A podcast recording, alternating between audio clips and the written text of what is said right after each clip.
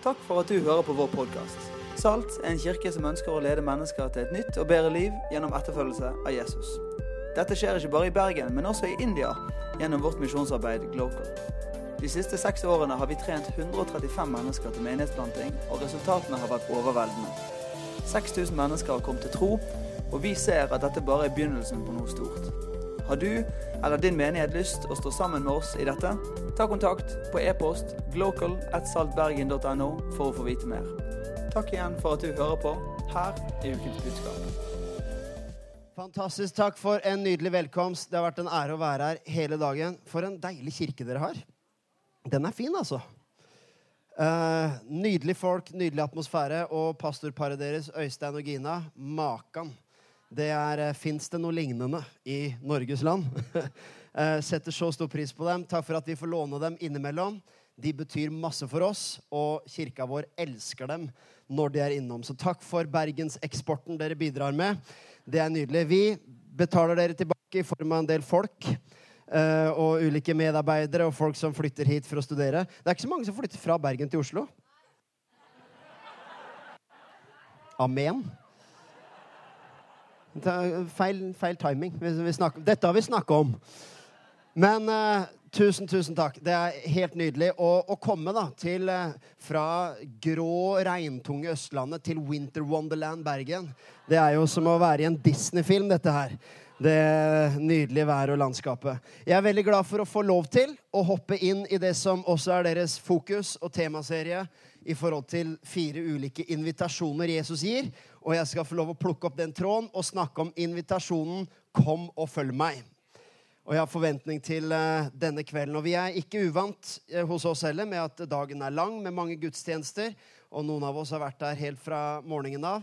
Men det er, uh, det er bare fint. Og min erfaring er at klimakset er den siste runden. Én av fire ganger er det det. Så er vi heldige, så er det den dagen i dag. Matteus kapittel 4 er den versjonen jeg har valgt. La meg bare lese noe litt kjapt, og så skal jeg betone noe. En gang Jesus gikk langs Galileasjøen, fikk han se to brødre Simon, som kalles Peter hans bror Andreas. De var i ferd med å kaste noe til sjøen, for de var fiskere. Og Jesus sa til dem, 'Kom, følg meg, så vil jeg gjøre dere til menneskefiskere.' Straks, forlot de, eh, straks lot de garnet ligge og fulgte ham. Jeg skulle ønske kirkevekst var så greit. Fantastisk. Kom, meld deg inn. Ja, ja, hvor er skjemaet? Da han gikk videre, fikk han se to andre. Jakob, sønn av Sebedeus, og broren Johannes. De satt i båten sammen med sin far Sebedeus og bøtte garn. Jesus han kalte dem, og straks forlot de båten og faren og fulgte ham. Når Jesus inviterer til etterfølgelse, så er det to sider som vi allerede har egentlig sett her. Og Jeg har tenkt å snakke litt om begge de sidene, men mest om den jeg mener er den viktigste av de. Fordi når de følger Jesus, så står det både at de forlot noe, forlo, forlot noe, og så plukka de opp noe. Og det er egentlig allerede mitt første punkt om etterfølgelse handler om å forlate noe, men også tilhøre og gå inn i noe.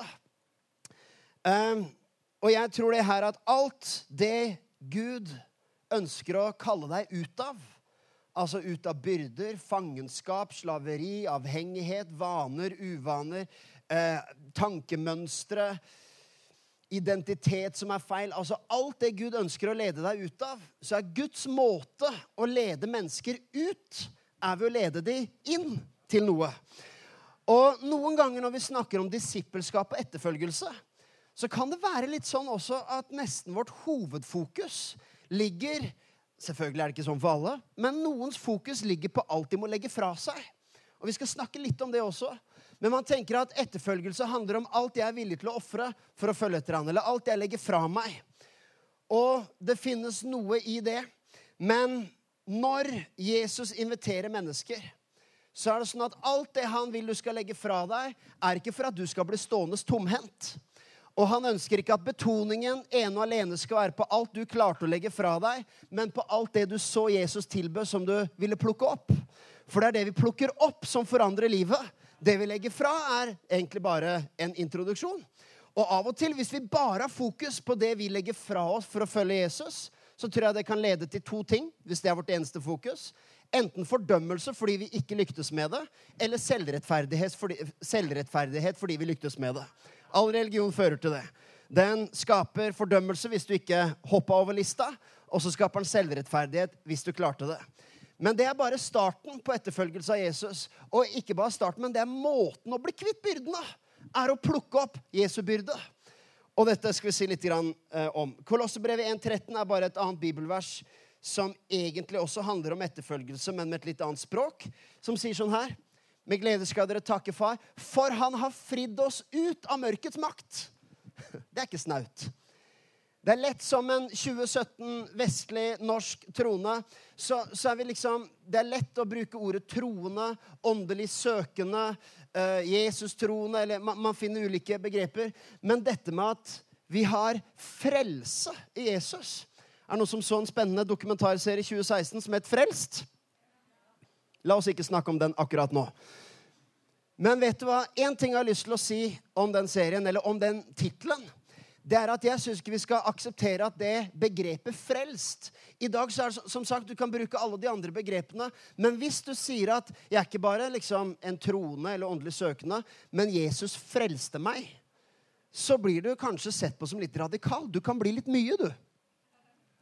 Men jeg syns ikke at frelst og frelse skal bli kidnappa av bare en negativ agenda. For sannheten er at det er det Jesus kom til jorden for. Det er hele det Gud åpna butikken her for, og kirken ble planta for. Og Jesus sier at det var mitt mandat på jorden, og det var mitt oppdrag på jorden. var ikke bare å komme og heve verdisystemet litt. At liksom, der hvor, der hvor mennesker hadde så mange verdier, så kom Jesus og forbedra menneskeheten bitte lite grann. Han kom for å frelse fri oss ut av mørkets makt. Og så kommer det som er hovedsaken. Da han fridd oss ut av mørkets makt, ført oss over i sin elskede sønns rike. Kan du se samme mønster? En ting er det du kom ut av, men måten du kom ut av det, var gjennom det du kom inn i.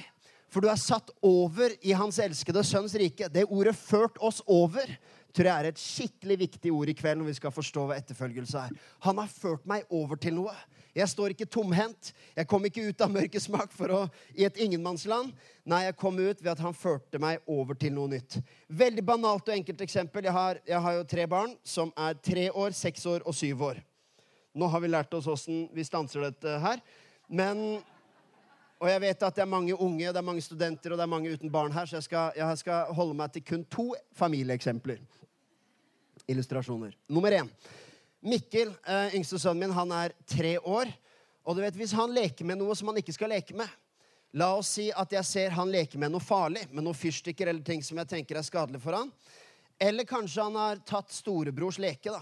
Et eller annet som tilhører Theodor på syv, hvor jeg ser at her er Theodor veldig misfornøyd, for Mikkel har stjålet sakene hans. Så har jeg funnet ut dette her som den pedagogiske forelder jeg er, at noe av det dummeste jeg kan gjøre, er å få panikk. Hvis jeg løper til Mikkel, og han holder noe farlig, og jeg sier nei, nei, nei, Mikkel, slipp, det, slipp, slipp den kjøttøksa nei, nei, han pleier ikke med det. Men hvis jeg sier slipp det du holder, slipp så, Eller hvis jeg kanskje også kommer litt sånn Nei, Mikkel, den der er Theodor sin. Gi den tilbake til Theodor. Så jeg har funnet ut at det samme skjer hver gang. Det er at han planter et blikk i ansiktet på meg som handler om det skjer ikke frivillig. Men han er tre år, er en skikkelig godgutt og sjarmtroll og herlig. og alt dette her. Men hvis jeg først liksom, nei, gi den tilbake til Theodor, så ser du han bare strammer musklene av det vesle han har. Griper fast i leka, og så ser han meg rett i blikket, og så er det som om han sier Thomas. Ikke pappa, men Thomas. Aldri i verden. Han bare klamrer seg enda, hardere. Jeg har opplevd det med mennesker som også kanskje er i noe destruktivt, eller har byrder som egentlig i etterfølgelse av Jesus de hadde behøvd frihet fra. Ting de faktisk hadde behøvd å legge ned. Så kommer mennesker og sier 'Det der bør du legge ned'. Det der er destruktivt for deg. Det der sårer du bare deg selv på. Det som skjer igjen og igjen, er at det er ikke nok. Vi treffer ikke dypt nok bare med en formaning av å legge, legge av oss noe. Men jeg har funnet ut måten som man får Mikkel til å legge av seg det farlige. Og er det noen som studerer barnevernspedagogikk eller et eller annet sånt her? Her kommer all pedagogikk du trenger å lære for resten av livet. Nemlig at hvis jeg kommer og sier 'slipp det du har', funker aldri. Men hvis jeg kan komme til han med noe annet Så jeg ser på Mikkel og så sier jeg, ja, Mikkel, hva driver du med? Ja, 'Du har storebrors leke. ja. Du driver med Theodor sin ting.'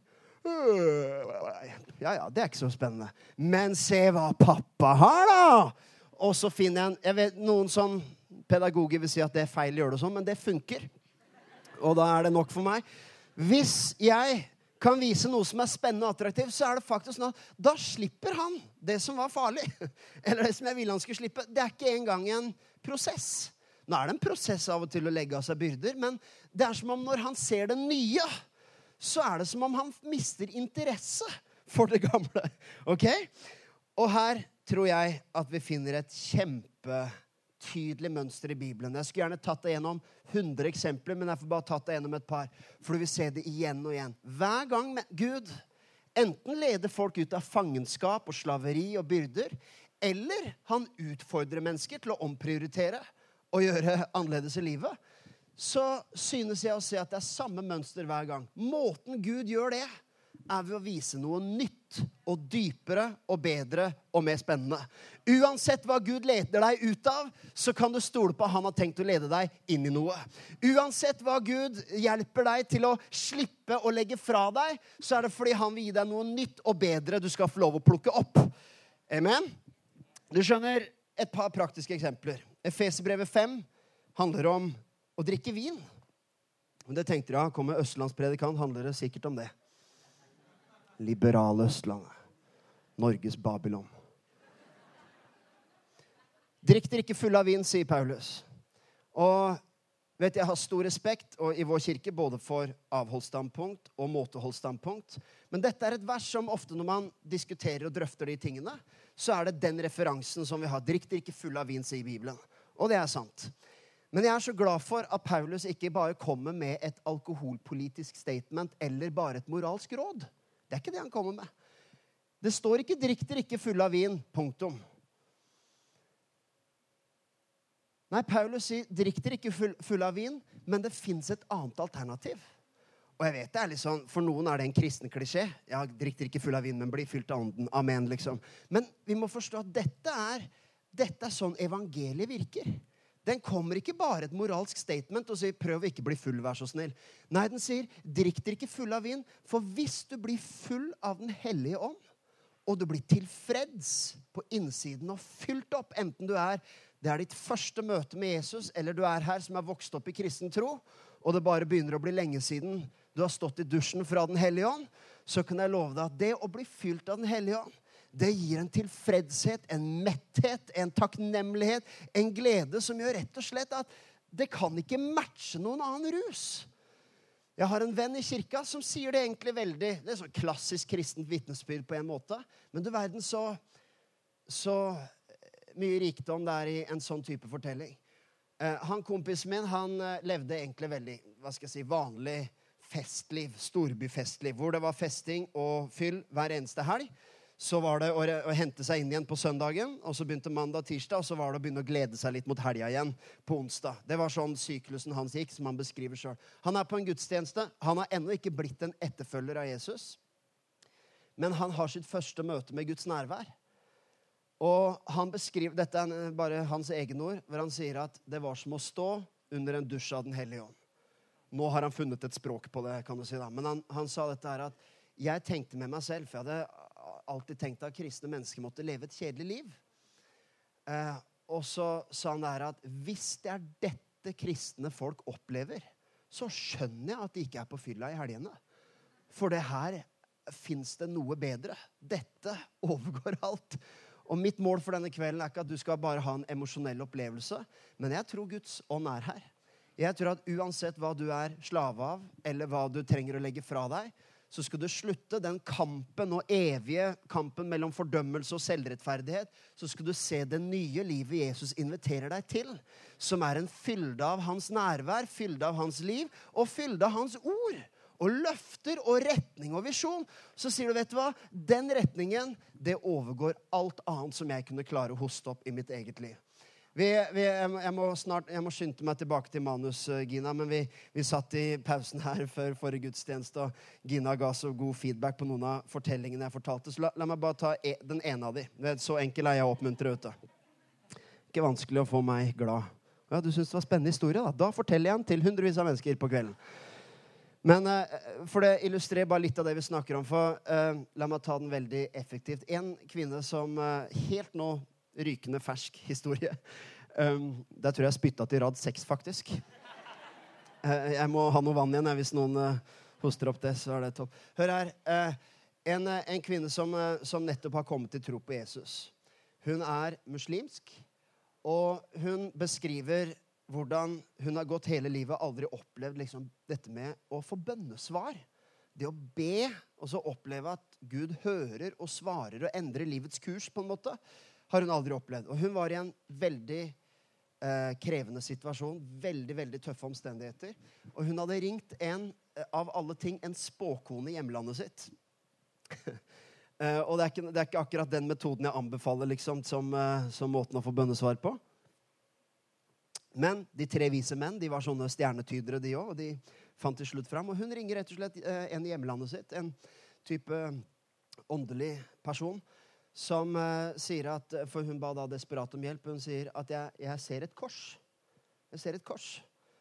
Og de, og de begge liksom virka litt i villrede på hva det var, men på en eller annen måte kom det fram til at du må oppsøke en kirke. Sånn dukka hun opp inn i våre dører. uh, og opplever uh, sitt første møte med Jesus. Og det hun sier, er For dagen etter, lang historie kort, hun får et veldig konkret bønnesvar. Virkelig et mirakel. Og hun sier, har aldri opplevd bønnesvar noen gang'. Og vet du hva? Vi trenger ikke gå inn i en veldig sterk, heftig religiøs diskusjon om alt som er galt med hennes gamle religion. Det er utrolig hvor mye kristne bruker energi på å bråke med alt det mennesket burde lagt av.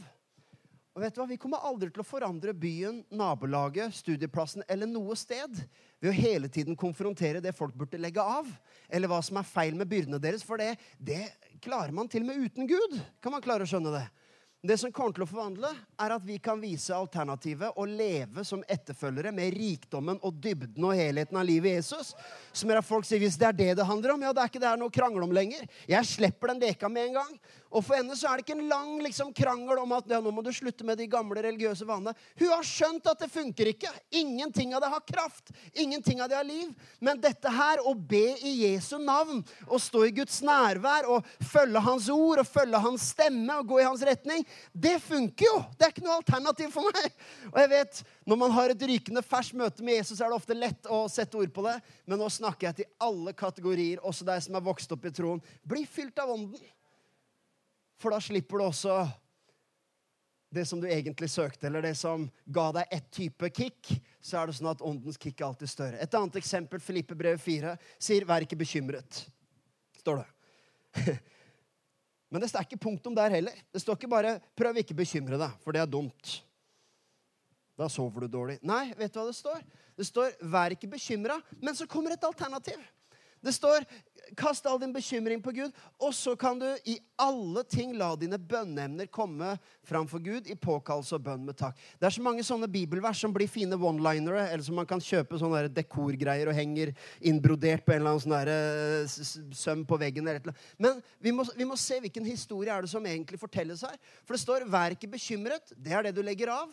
Men her er det du går til, nemlig et, liv, et bønneliv et fellesskap med Gud. Det det hele frelsen handler om. Han har invitert deg til samfunn med ham. Det er derfor Jesus kom til jorda. For å åpne opp en vei for å ha fellesskap og samfunn. Og da kan du stå i åtte timer og, be, liksom, og spørre Gud, ta bort min bekymring. ta bort min bekymring. Gud, vær så snill, jeg må slutte å bekymre meg. jeg må slutte å bekymre meg. Eller så fins det, og jeg sier ikke at det er lett, men det fins også en åpenbaring som gjør at du i stedet for å bare lengte etter alt det Gud skal ta bort, så stepper du inn i den nye kledningen du har gjennom at du er en ny skapning og full av Den hellige ånd. Så stepper du inn i en fred og inn i en forståelse av Guds løfter og en forståelse også av Jesu lederskap, og forstår kraften i et levende liv i bønn, så vet du at ti minutter i bekymring det gir én type effekt. Men jeg kan erstatte de ti minuttene bekymring med ti minutter samfunn med Gud. Kanskje til og med kan snakke med han om noe annet enn bekymringene. Kanskje til og med kan si, 'Gud, hva er din stemme?' For vi ber vår stemme. 'Gud, kan du ordne det her? Fiks det her. Gi meg en kjæreste, gi meg større bolig, gi meg leilighet, gi meg bil, gi meg hus, gi meg båt, gi meg huset Syden, hus på fjellet, hytte på, hytte på sjøen, osv.' Bare jeg som ber sånne bønner. Nei, jeg ber ikke sånne bønner, men jeg tror at alt det du ønsker at du vil legge fra deg, så er noen ganger så ligger gjennombruddet i å forstå hva du kan steppe inn i, og hva Gud allerede har gitt til deg. Enda et eksempel. Loven, Hebreerbrevet 7,19 står det at loven førte ikke noe fram til fullendelse. Men nå kommer noe bedre. Et håp som gjør at vi kan komme Gud nær. Loven, den gamle pakts system, bokstavens vesen, som handler om bud og regler. For deg som ikke er vant med bibelspråk, så er loven er en referanse til Moseloven, som egentlig bare er et, eh, et uttrykk for all religion. All, alt som er basert på eh, å følge bud og regler og få rettferdighet fra Gud på den måten. Og vi vet at vi er satt fri fra det. Men noen kristne, kanskje ikke her i Bergen, det finnes en og annen i Oslo, det er, det er nesten som om de har stranda sitt fokus der. Ja, vi er fri fra bud og regler. Takk, kristenlivet handler ikke om bud og regler. Det er bra at, eh, at, det handler ikke om bud og regler. Det handler ikke om hva jeg må. Jeg må ingenting. Det handler ikke om hva jeg skal. Det handler, og, og det er jeg helt enig. Men hvis, bare, hvis det er din fulle åpenbaring av kristen tro, ja, det handler ikke om hva jeg må, så er det et forferdelig fattig åndsliv. Jeg kan ikke tenke meg noe tristere enn kristne som vet alt som de skulle komme fra, men som ikke har innsikt i hva de kom til. Og Du skjønner, du må ikke strande ja, loven. Ja, takk, vi er fri fra bokstav og bud og regler og byrder og, og, og krav og alt dette her. Må... Nei, men du skjønner, Det er et alternativ som er mye rikere. Du gikk jo ikke fra loven til et slags ingenmannsland der du kunne bli en kristen humanist. Takk at jeg er fri, fri, fra bud og regler. Så nå skal jeg prøve å være et godt menneske. Nei, han erstatta det med et nytt landskap. Nådens landskap. Og etterfølgelsens landskap. Der du lar Jesus få forme, og han er din herre. Og han er både din frelser og din herre. Og han er både god, og han er Gud. Og er den som leder deg videre. Amen? Kvinnen ved brønnen er et nydelig eksempel. Kjent historie, en av mine favoritthistorier i Bibelen. Men greia er at denne kvinnen som Jesus har et møte med, har fem mislykkede ekteskap bak seg. Fem mislykkede forhold. Gått fra relasjon til relasjon, er rastløs. Helt klart på leiting etter nærhet, kjærlighet, eh, å bli sett og hørt og akseptert. Og til og med i dag så kan det være litt sånn uglesett hvis du har vært skilt liksom oppi mer enn fire ganger. Men det var det i hvert fall den gangen. Eh, så kommer Jesus til henne, og det er så nydelig at Jesus Jesus ser inn i hennes liv. Jesus som profet kan se historikken hennes. Og det er nydelig. Vet, hvis vi hadde hatt en sånn situasjon noen ganger og sett inn i andres liv så sterkt som Jesus gjorde Jeg vet ikke åssen vi hadde takla det. Å, jeg bare kjenner det er mye mørke i din fortid, min venn. Nei, vet du hva Jesus gjør? Eh, hvor er din mann? spør han. Og hun sier, nei, jeg har ingen mann. Ja, der talte du sant. Han gir deg et kompliment. Altså, Jeg hadde jo sagt 'Så sier Herren, vend om fra dine destruktive veier'. Vend om fra dine Vi er pinsevenner, alle mann. Nei, men Jesus sier, nei, 'Der talte du sant, for du har hatt fem menn.' 'Og den mannen du nå har, er ikke din mann.' Her er poenget. Det er så nydelig hvordan Jesus kommer ikke bare til henne og sier, 'Du, den livsstilen din, den kommer til å ødelegge deg'. Jeg vet ikke om det har vært i en sånn situasjon en gang hvor noen har prøvd å advare deg og sa, vet du hva, hvis du gjør det der, du kommer bare til å såre deg selv eller hvis du har sagt det til andre. Jeg tror mennesker mener godt, og noen ganger kan vi ha flaks, og det kan redde folk. Men som regel så gjør det ikke det. At man sier du, ikke, 'Slutt å gjøre det der. Du kommer bare til å såre deg selv.' Så fortsetter de å såre seg selv. For vi treffer ikke dypt nok. Men det Jesus gjør, at han sier, 'Du, det livet du har levd, det har du, du har leita etter en form for tilfredsstillelse i det.' Gjennom seksuelle relasjoner, gjennom menn, gjennom ekteskap, gjennom kjærlighet. Men jeg har, og de ordene er så nydelige, jeg har en ny kilde. Jeg har et vann som gjør at den som drikker av det, skal aldri i evighet tørste. Rastløsheten går over. Det er en kilde som metter deg på alle de områdene du desperat har prøvd å bli metta på andre områder i livet. Og Du skjønner, du får applisere det her på dine områder i livet. Men jeg tror dette er evangeliet, og dette er rikdommen av å være en disippel av Jesus. Å forstå kraften av etterfølgelse fordi han er Herre, og han er Gud. Men han er god! en viktig liten detalj. La meg forklare det her. og Jeg, jeg ser, jeg, jeg, sliter litt med klokka, men la meg, jeg tror jeg må zoome inn på noe av dette her på slutten her. Han er god, og han er Gud. For Noen tenker dette her at ja, det at Jesus er god, det er et fint budskap. Det er bra. Vi trenger å høre om hans kjærlighet, og det gjør vi. Men det at han er Gud, Herre, det er noen som nesten ser det som litt sånn kontraster. Du har liksom en god og en dårlig nyhet fra himmelen. Den gode nyheten er at han elsker deg, og han, du, er ditt, du, er hans barn. Han elsker deg for alltid, han tilgir deg, og du trenger aldri å være redd for at du mister den tilgivelsen sånn av en ting du gjorde. Nei, du kan ha frelsesvisshet. Men så er den dårlige nyheten at han er også herre og konge, og du må overlate alle livets områder til han. Det er som, ja, ja, det er prisen du betaler, liksom. Nei, hør her, det er to gode nyheter fra himmelen. Det ene er at han er god, men den andre positive nyheten er at han er herre. Det er de beste nyhetene vi har. La meg prøve å forklare. Du skjønner, eh, du vil aldri ha Altså, Guds godhet vil aldri sette et dypt avtrykk i livet ditt hvis ikke du også har innsikt i hans herredømme. Hvordan er det? Jo, fordi, du vet, når jeg gikk i fjerde klasse på barneskolen, så fikk jeg en sånn lapp av en kompis hvor det sto Hei, Beate i C-klassen spør deg. Og det var sånn Hæ? Beate? Hvem er Beate? Har vi en C-klasse her på skolen? Du vet, Det er veldig smigrende og hyggelig at Beate har tydeligvis fulgt med. Men vet du hva, det betyr ingenting. Jeg aner ikke hvem jeg er. Noe... Når vi sier 'Jesus elsker deg', så er det selvfølgelig et fint statement. Det er greit hvis du har et klistremerke bak på bilen eller et eller annet sånt som sier 'Jesus elsker deg'. Men du kan si 'Jesus elsker deg' en million ganger. Og egentlig koker det ned til ja, hvordan ser du Jesus? Hva betyr det? Ja, Jesus elsker deg. Ja, det er kjempefint. Mamma også støtter meg og backer meg i alle ting. Og så i tillegg Jesus. Det er helt konge. Får ikke blitt bedre. Nei. Jo mer du ser av hans guddommelighet og hans herredømme, jo sterkere vil også hans kjærlighet sette avtrykk i deg. Du vet, det er sånn, Den ene jeg ville ha oppmerksomhet fra, det er hun som jeg nå er gift med. Katrine. Uh, du vet, når jeg fikk SMS fra henne, eller det ble liksom kontakt der, da følte jeg med. Det hjalp ikke med de hundrevis av andre jentene som lina opp for å få Nei da, det var ikke hundrevis. Det var to stykker, og den ene av de var mamma. Men det betydde Det eneste som betydde noe, var å få kjærlighet fra den som hadde autoritet til å sette avtrykk i meg. Uh, vet, det er akkurat som hvis, hvis en som er tonedøv, skryter av din sangstemme, så betyr ikke det så mye. Men hvis en som virkelig kan synge, sier at du, du har en vakker stemme, hører at du kan synge, så er det som om det har mye mer autoritet. Skjønner du? Hvis jeg hopper inn i en rettssal, la oss si at du er tiltalt for noe, så hopper jeg inn i en rettssal, og så, og så sier jeg 'Hallo, her kommer Thomas Åleskjær. Eh, tiltalt er uskyldig.' Så er det smigrende for deg å vite at du har en som er på din side, og heier på deg. Men jeg har ikke noe autoritet i den rettssalen. Vet du at Jeg vil heller ha én dommer som frikjenner meg, og 100, 100 fiender som vitner, enn å ha 100 vitner som venner og en dommer som dømmer meg. For det er kun i en rettssal bare heng på, jeg skal frem til poeng, i en rettssal så er det kun én som har myndighet til å sette deg fri. Jeg kan ikke hoppe inn i en rettssal og sette deg fri. Det er kun han som har rettmessig autoritet til å dømme. Er han som har rettmessig myndighet til å også frikjenne. Og du skjønner, Hvis ikke vi ser han som Når vi åpner Bibelen og ser at Gud er dommer, han er herre, han er konge, så er det noen som blir skremt av de ordene.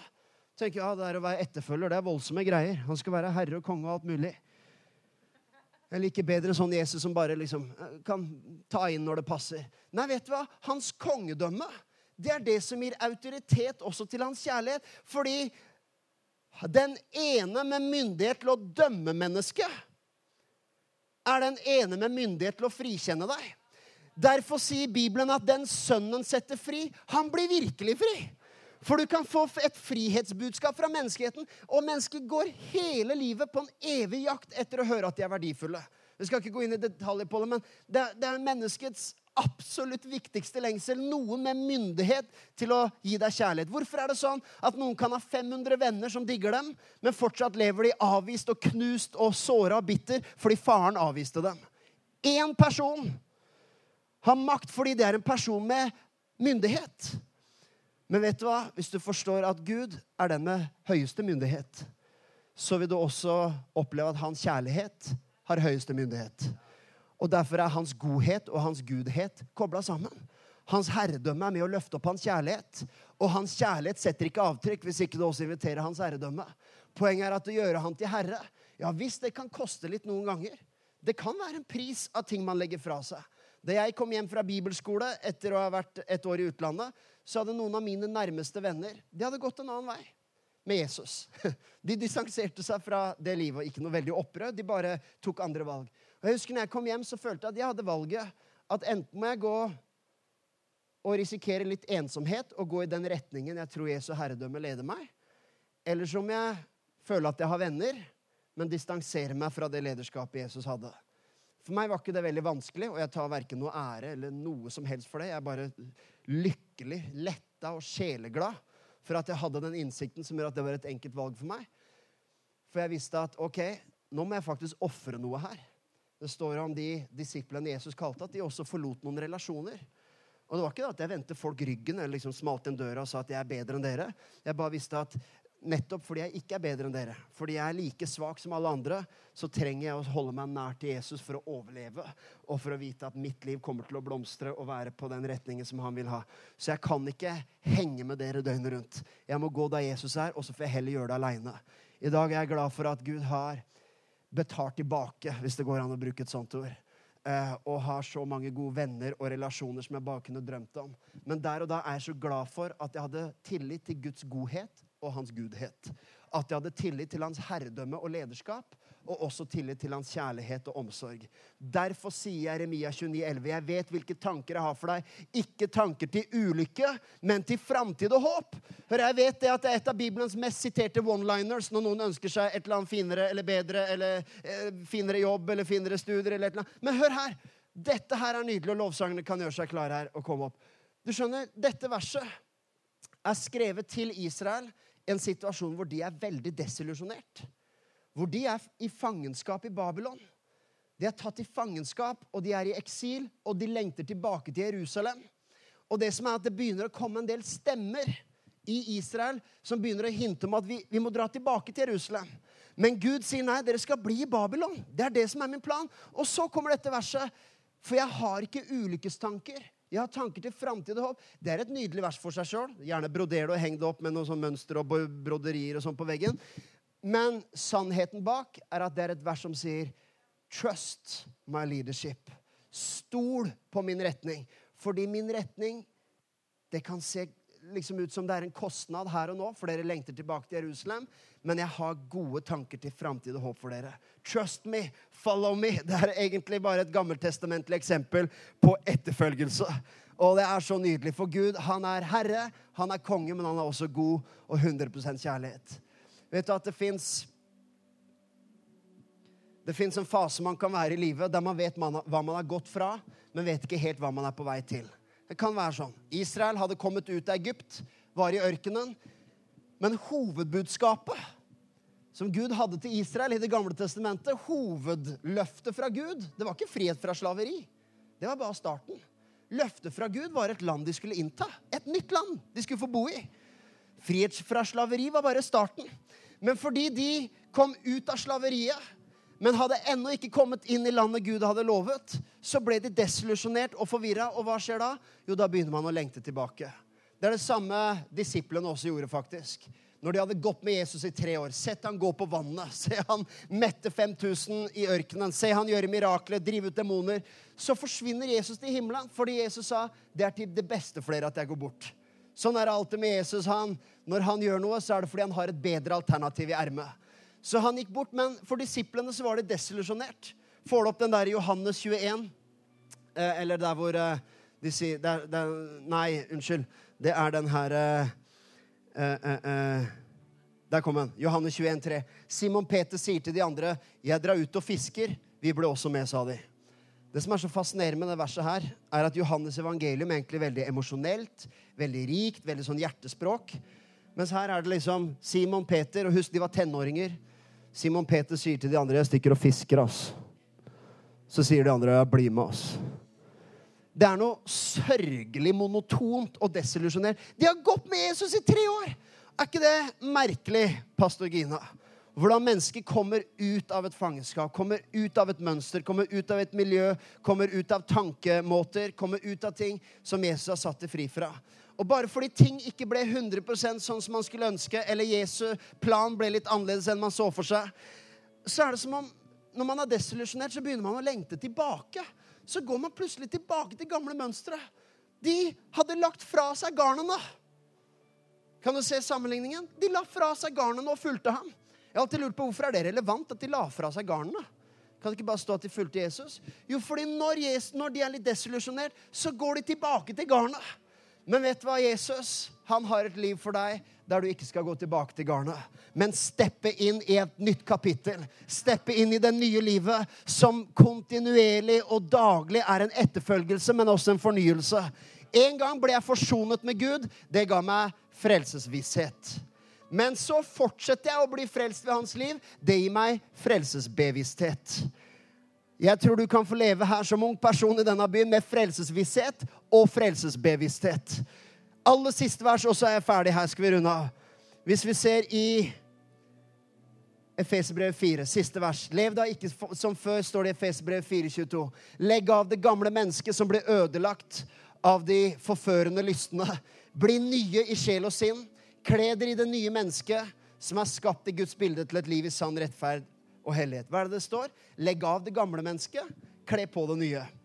Vet Hvis du går i et prøverom på butikken, klesbutikken og jeg hater egentlig Jeg er ikke sånn moderne mann som elsker å shoppe og, og mote og sånn. Jeg, jeg syns klesbutikker er så kjedelige. Den lyden av kleshengere som er liksom, Det minner meg fra barndommen. Jeg har masse gode minner fra barndommen, men dette er et av de vonde. Sitte timevis og vente mens mamma bladde i de der kleshengerne. Jeg hører den lyden som har gitt meg grøsninger. Når jeg ble stor, så var det ikke å vente på mamma lenger. Nå er det å vente på kona. Katrine. Og fortsatt samme lyden. Kleshenger har ikke forandra seg på 60 år. Det er samme lyden av og, du vet, og nå er det jeg og ungene som venter. Og Katrine står der og handler og får høre hele tiden. Eh, 'Kan vi få en is? Eh, kan vi gå på do? Eh, jeg må på, gå, gå, på do. Er vi ferdig snart? Kan vi gå i lekebutikken? Jeg må på do igjen.' Og Katrine snur seg og sier, 'Nei, Thomas, du må vente noen minutter til. Jeg er snart ferdig her.' Jeg liker ikke klesbutikker. Men hvis jeg må, så går jeg til et prøverom. Og her er den banale, veldig enkle eksempelet. Når du går i et prøverom, så er ikke hensikten med å være et prøverom altså hoved, Hovedgreia der er ikke å kle av seg. Det er ikke sånn at du går i prøverommet og kler av deg, og så går du ut i butikken og så, hei, jeg tror jeg trenger noen klær, ja, som dere ser. Nei, grunnen til at du faktisk kler av deg, noe som i seg sjøl er veldig spesielt å gjøre i en butikk, så tenker over det liksom fra et filosofisk perspektiv. Hvorfor kle av meg inn i en butikk? Men poenget med at du gjør det, er jo fordi det er noe nytt du skal prøve. Det er noe nytt du må sjekke ut. Og se at det passer, og se at den sitter som et skudd. Og den, eh, den eh, ja, La oss ikke gå i detaljer på hvor godt det sitter, men uansett. Du, du prøver, du kler av deg for å kle på deg. Og jeg vet dette enkle, banale, dumme eksempelet er bare for å forklare. Ikke gå som en disippel og slåss bare med alt du må legge av. Og ja, kle meg av meg det gamle mennesket. Kle av de gamle byrdene. Kle av de gamle vanene. Men du skjønner, Hensikten med å kle av er for å kle på. Og hovedbudskapet i evangeliet er at du skal kle deg i et nytt menneske. En ny ånd, en ny skapning, et nytt kapittel som ikke er en religion av selvrettferdighet, men som er et nytt liv, en ny kilde du får drikke av, en ny kraft du får lov å ta din kilde av, en ny hensikt å leve for. Hvorfor skriker jeg så fælt? Jeg vet ikke. Jeg kan snakke egentlig like vanlig, for det budskapet er så bra at det trenger ikke volum uansett. Hør her, jeg skal få lov å invitere deg til å bli med på dette livet for et, for et liv med Jesus. Det er masse hverdager òg. Masse hverdager som er annerledes enn jeg skulle ønske. Det er sånn Av og til når du blir invitert til en fest, så passer ikke alltid tidspunktet. Den dagen Vålerenga skulle ta sitt første seriegull på 20 år, i 2005, bortekamp i Skien Første gang på 20 år vi skulle bryte Rosenborgs 13 år gamle seiersrekke, så er en av mine beste venner bestemmer seg for å gifte seg den dagen og jeg skal være toastmaster. Jeg skjønner meg ikke på folk som ikke ser på terminlista før de setter sånne datoer. Vet du hva, Det passa fryktelig dårlig, men vet du hva? Det, det blei sånn. Så jeg satt i bilen faktisk to timer under festen og hørte på radioen. Og så fikk en vikar, men resten av festen gikk bra. og Vi er fortsatt venner og alt sånn. Og det ble seriegull også, men det vet jeg ikke skal nevne her. Men noen ganger passer ikke timingen, noen, pass, noen, ganger passer ikke omstendighetene. Noen ganger så passer det ikke med vennene, for ja, men skal jeg gå i den retningen, da, da vil jeg ikke bli populær hos dem. Da får jeg ikke anerkjennelse der. Da kan jeg bli ensom her. Men du skjønner, det er derfor han sier jeg har ikke tanker til ulykke, men til framtid og håp. Kle deg i det nye livet. Stol på hans herredømme. Det er et rikt liv. Det er et fantastisk liv med Jesus.